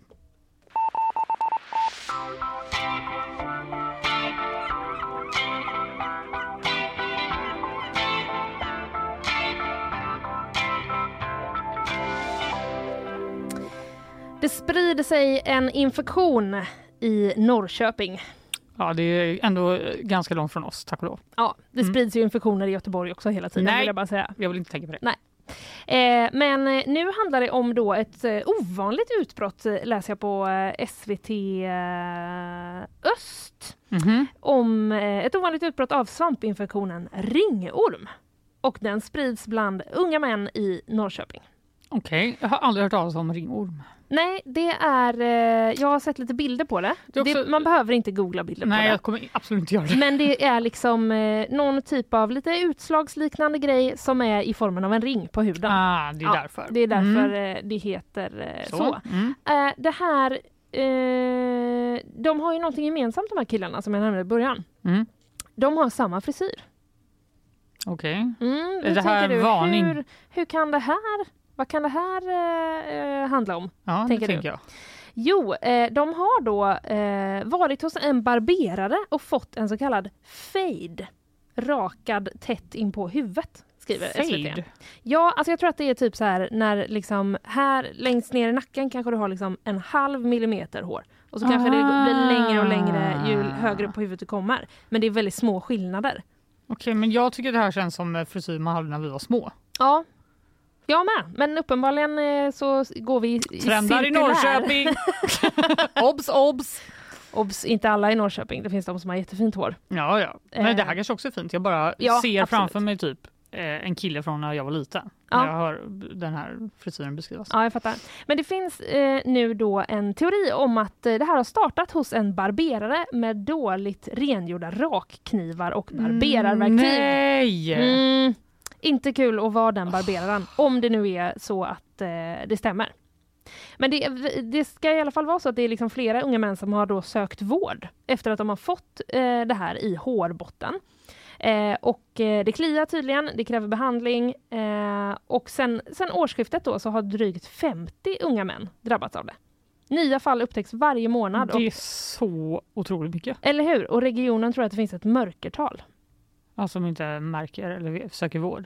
Ja, för att det kan ta lång tid, eh, det kan ta lång tid innan man upptäcker ringorm eftersom den växer långsamt.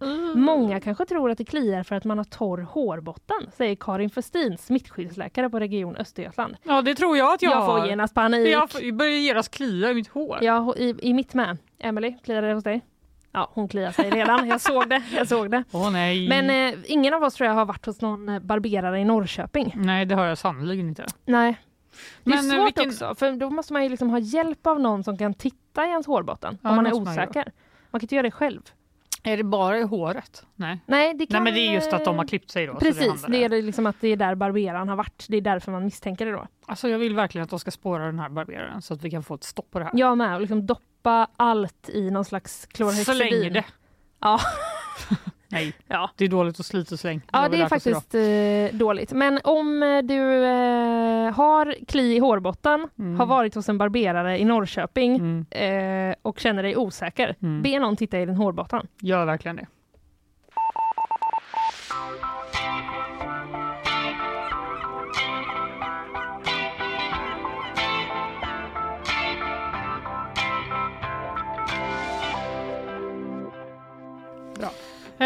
Nu ska vi prata om Gift vid första ögonkastet. Och Ja. eh, vill man absolut inte höra något om det här så får man stänga av. Det är alltså avsnittet som eh, sändes igår kväll. Så är det. Mm. Det är väl det näst sista avsnittet innan Ja. de ska bestämma sig för om de ska vara fortsatt gifta eller skilja sig. Ja, nästa vecka är det stora beslutet. Ja, och det var något av det värsta jag sett på tv. Det ska jag bara säga. Det, det, jag var så generad. Alltså det kanske säger någonting om mig också. Ganska ganska Förlåt, men mycket. du gick ut så hårt. Ja, men jag, kommer, jag känner att vi måste börja där. Ja. Mm. Och eh, Nina Morby som ju har skrivit om alla avsnitt, Mm. eh, hon säger att eh, det var liksom parens sexliv i fokus och det var det ju verkligen. Mm. Det var därför jag blev så generad. Mm. Eh, hon tycker att SVTs sexpositivism har gått alldeles för långt. Ja, Och jag tycker också att man behöver inte visa allt. nej. Det känns liksom lite taskigt. Ja, eh, men det var inte så mycket de visade egentligen. Alltså Inte- i bild. Nej, nej. Det var In- inte det är inte något så att sånt. någon eh, låg med varandra Nej, och de visade på tv. nej. Det ska vi vara tydliga med. Ja. Det kanske lät så nu. Nej, jag, jag vet inte. Jag blev bara så drabbad av att du gick ut så hårt så jag känner att jag behöver liksom ta dem i försvar på något sätt. Nej men det är ingen angrepp mot dem Nej, ens. Det är ett angrepp mot eh, SVT är det. Ja, För att jag tycker inte man får ta sitt ansvar. Man Mm. kan inte klippa sånt här nej. och visa det för folk. Ska vi prata om eh, vad det är vi pratar om? Mm, det är ju framförallt en eh, spagettiscen Ja, Ska mellan vi- eh, Ida och Arvid exakt. där de sitter och äter carbonara. Ska vi Med ta... kycklingen, vilket var jättekonstigt. Var det kyckling? Jag tror Ja. det var bacon. Såg verkligen som kyckling. Okej. Vi får eh, studera det närmare sen. Vi tar eh, och lyssnar lite på hur det lät då. Jag kan så här, klä in mig i lite pasta så kan du få liksom, äta upp mig. smeta in dig i massa carbonara. Sen ser jag fram emot att tejpa för din mun. Vad tror du jag ser fram emot då när det kommer till din mun? Ja, det är nog mycket du ser fram emot. Oj, oj, oj. Mm, jag är redo för att få en förtejpad mun. Ja, Vad där, eh, i sådär- hela fridens namn? det Var det alltså. de som hade lagt in Your sexy thing-låten eller var det ni som har lagt in den? Det, Det var, var- SVT. det var Det är SVT. det här jag ser. Alltså jag känner så här, de får väl prata så med varandra. Ja. Om det är deras grej. Ja. Men det kan inte visas på TV! Det kan inte göra det! Vi vanliga människor som sitter här i goda ro i soffan kan inte behöva mötas av det här. Det var ganska jobbigt kände jag. Alltså jag känner bara, den här kameramannen eller kvinnan, som hur mår den? Ska stå så sjukt nära när de bara har liksom förspel och äter pasta. Det var Ska ju... bara, I believe in miracles! Det var ju en otrolig eh, stämning. Alltså det var en sån sensuell stämning som jag aldrig tror att jag någonsin har sett på tv förut. Nej, för att det ska inte behöva, det är någonting mellan två människor. Eller flera om man är lagd åt det hållet. Men inte något man ska dela med världen. Nej, Det är liksom för, du tycker att de skulle ha personligt. klippt bort eh, det. Det tycker jag absolut, Ja. eller åtminstone klippt ner det för det tog aldrig slut. Det pågick ju längre än bara det här klippet. Ja, det gjorde det Eh, verkligen. Ja, det var liksom eh, för min smak lite svårt att eh, ta det här. Vi hade ju också en diskussion du och jag eh, igår kväll på Instagram med Ja. DMs om hur chockade och eh, omskakade vi var av detta. Det är kanske något med, så det här kanske är normalt i liksom något mer så här sexliberalt land. Men för här i Sverige känner jag bara, vi är inte redo för den här typen av intimitet. Nej, Det vi är inte redo för någon som liksom vågar tala så här öppet om eh, sex. Nej, jag aldrig det igen känner jag bara. Ja, vi ska, jag ska bara säga det också att där, eh, han nämnde ju någonting med att tejpa för hennes mun. Ja, det Ja. var konstigt. Ja men det föregick ju också av en diskussion att de eh, pratade om att de pratar för mycket när de har sex. Aha, Så jag tror att det var jag det- märker det. Även innan uppenbarligen. Okej, ja men det kanske Jag är tror bra att att det säga. var det det syftade kanske- på liksom. det Så är att inte- vi eh, har för, förtydligat det bara. Sen kan man ju gå in då, eh, Fanny, om man vill eh, se hela det här klippet Mm. eh, och se det i gårdagens avsnitt. Ja. det kan man göra om Ja. man känner att man vill det. Eh, men modiga får man ändå säga att de är. Ja, verkligen. Alltså, Ja. Som sagt, det, det, det är verkligen upp till dem. Ja. Men jag tycker SVT måste ta sitt ansvar. Ja. Det vill jag verkligen ha sagt. Eh, Men annars så var ju den stora snackisen att ett par valde att eh, skiljas åt Ja, redan exakt. igår. Det är ju då nästa avsnitt där de ska välja. Ja, ett avsnitt riktigt. i förväg. Ja, och det var ju eh, vår ändå lokala Mm. förmåga, August, som bor i eh, Uddebo. Mm. Det är ju vårt närområde. Han och hans eh, då exfru Caroline valde att eh, gå skilda vägar och han har ju då talat ut Ja, på gp.se om eh, det som enligt höra- rubriken är katastrofparningen. oj då.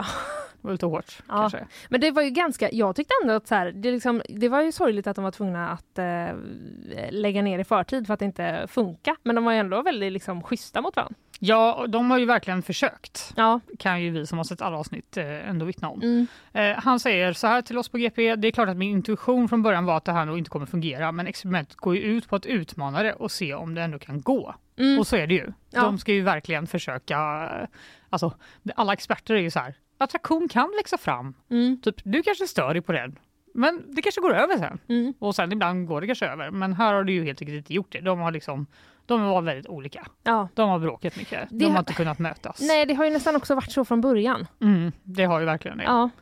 Eh, och eh, nu, det slutade med att de ville ha ensamtid och kände kanske att de inte kände för att höra av sig till varandra, särskilt då Caroline. Och då säger han att det var väldigt tydligt för mig att det inte skulle gå efter att hon sa att hon inte ville höra av sig Mm. efter sin egen tid. Eh, och då kvarstod frågan vad vi skulle göra med den sista tiden. Och då kände han att nej, det, vi Det är lika avbryter. bra. Det, det är viktigt för mig att eh, liksom, stå upp för mig själv. Mm. Mm. Så, sen är det tyvärr så att eh, August har varit på sociala medier och läst om sig själv. Aha. Och det tror jag inte är bra Nej. för någon. Nej. Jag försöker undvika det. Mm. Var på sociala medier, period. Var inte det här bara? Nej. Men han, det, jag kan förstå att det är svårt att låta bli. Det är ju väldigt diskuterat det här programmet. Mm. Han säger så här, det är spännande att se vad folk reagerar på. Eh, att jag hade lite matrester i en kastrull i kylskåpet och att jag tvättar ansiktet i köket och torkar av mig på tröjan var visst en grej, säger han. Oj, de gör jag bägge de sakerna. Får man inte det eller? Du får inte Enligt visa det i sociala tv, medier. Nej, okej. för då kommer folk eh, kommentera på det Ja, okej. Men det, ja, säger många säger ganska taskiga saker, till Mm. exempel om min hygien och hur jag bor och lever. Och, men någon skrev också att jag är världens anarkist och att jag har impulser att bryta mot lagar och regler hela tiden. Då kände jag bara wow, är det så du tolkar mig? Vad spännande. Ja. Så det är som att han bara fick ett nytt perspektiv på sig själv. Ja. Det var ändå lite fint. ja, vad jobbigt. Alltså, de är, bara att man är med i det där programmet från första början. Jag vet. Det är ju helt otroligt. ja, Ändå. det är helt otroligt. Ja. Det hade man inte pallat. Det. Nej, det hade man inte Även om jag är pallat. så sugen på att anmäla dig! Åh! Jag kommer kanske göra det. Jag kommer kanske göra det. Du vet att det inte är något sånt prankprogram utan det krävs liksom att den Nej. som är, är anmäld är med på det. Men jag tänker att om jag anmäler dig och så typ kanske någon jätteduktig castare kan övertala dig att vara med och hitta kärleken. Jag vill se dig gifta dig i tv, är det så fel? En miljon. En miljon. Jag tror inte de får en miljon. Nej. De får evig kärlek eller inte. Mm. Men eh, i alla fall, vad, du undrar vad händer med August idag? Ja! Han är singel och eh, beskriver sin relation till exfrun som vänskaplig men utan någon direkt kontakt. Men han är ganska tajt med de manliga deltagarna och nu planerar de att starta en mansgrupp tillsammans. Aha!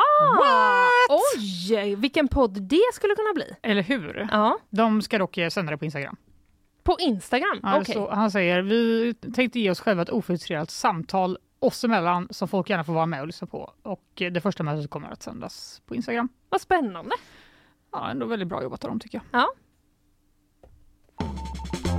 Ja, nu är det slut. Jag bestämde bara för det nu. Nu bestämde jag så här. Ibland känns det som att bakvagnen bara ska pågå, pågå, pågå. Ja, men jag kollar på klockan och den är halv. Det är dags att Ja, det vara tyst. det är så. faktiskt dags att vara tyst. Ja, men vad kul det var. Ja. Vilket bra program vi gjorde idag. Det tycker jag. det. Ja. det var ju jag, Svannevik och du Linnea Rönnqvist. Och vad pratade du om där i begynnelsen? Jo, men jag pratade ju först om eh, den här flickan under 15 år som blev allvarligt skadad igår i, i Ängelholm. Mm. Hon hittades utomhus och en eh, kvinna i 35-årsåldern greps där misstänkt för försök till eh, mord. Just det. Eh, och det var inte heller det första liksom, våldsbrottet som sker i det området. Vi pratar lite mer om det, vad polisen kunde Ja, berätta. väldigt märkligt. Ja, och sen var det ju också det här att Mölnlyckekrogen eh, Signum har fått en Michelinstjärna. Mycket bra jobbat! Wow! Och också det stora då att Kristina Petersson som nyhetssvepare idag är från Mölnlycke. Bara en sån sak. Mm. Jag pratade ju om att eh, återvunna hm kläder dumpas i fattiga länder som inte har möjlighet att eh, ta hand om allt skräp. Ja, Eh, en granskning som Aftonbladet har gjort helt enkelt. Och sen var ju Mikael Wricko, vår kollega från grävredaktionen här och pratade och summerade lite deras granskning Hennes namn var. Mm. Nu finns alla sex poddavsnitt på alla pl- poddplattformar som ni eh, kan lyssna på helt enkelt Mm. efter detta. Ja, det var alla det. Producent och researcher Emily Hagbard. Nyhetssvepare Kristina Petersen. jajamän. Och eh, imorgon smäller det. Imorgon väljer det. Det blir quiz. Sommarquiz med nyhetsshowen på Nefertiti. Ja, vi, det är bara en dag ta, eh, kvar av tjat. Men Exakt. eh, kom jättegärna dit. Vi hade blivit så glada. Ja, det är alltså gratis. Först till kvarn, dörrarna öppnar klockan fem. Klockan 18.30 är det quizstart. Japp, vässa pennan. Nu kör vi, Nej, vi har med oss pennor. Ni behöver inte ta med er Ja, nej det behöver inte. ni vet. Okej, hej då! Ha det jättebra! Bye bye!